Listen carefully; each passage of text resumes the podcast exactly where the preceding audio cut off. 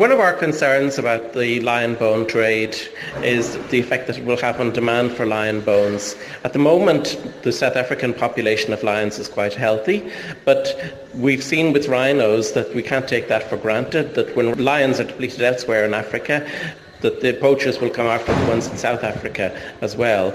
And in that situation, the numbers of captive bred lions wouldn't be enough to maintain demand. We're also worried about the knock-on effect of demand for tiger bone, and tigers are much more depleted at the moment than lions are. There are more lions in South Africa alone than there are in tigers in all of the world.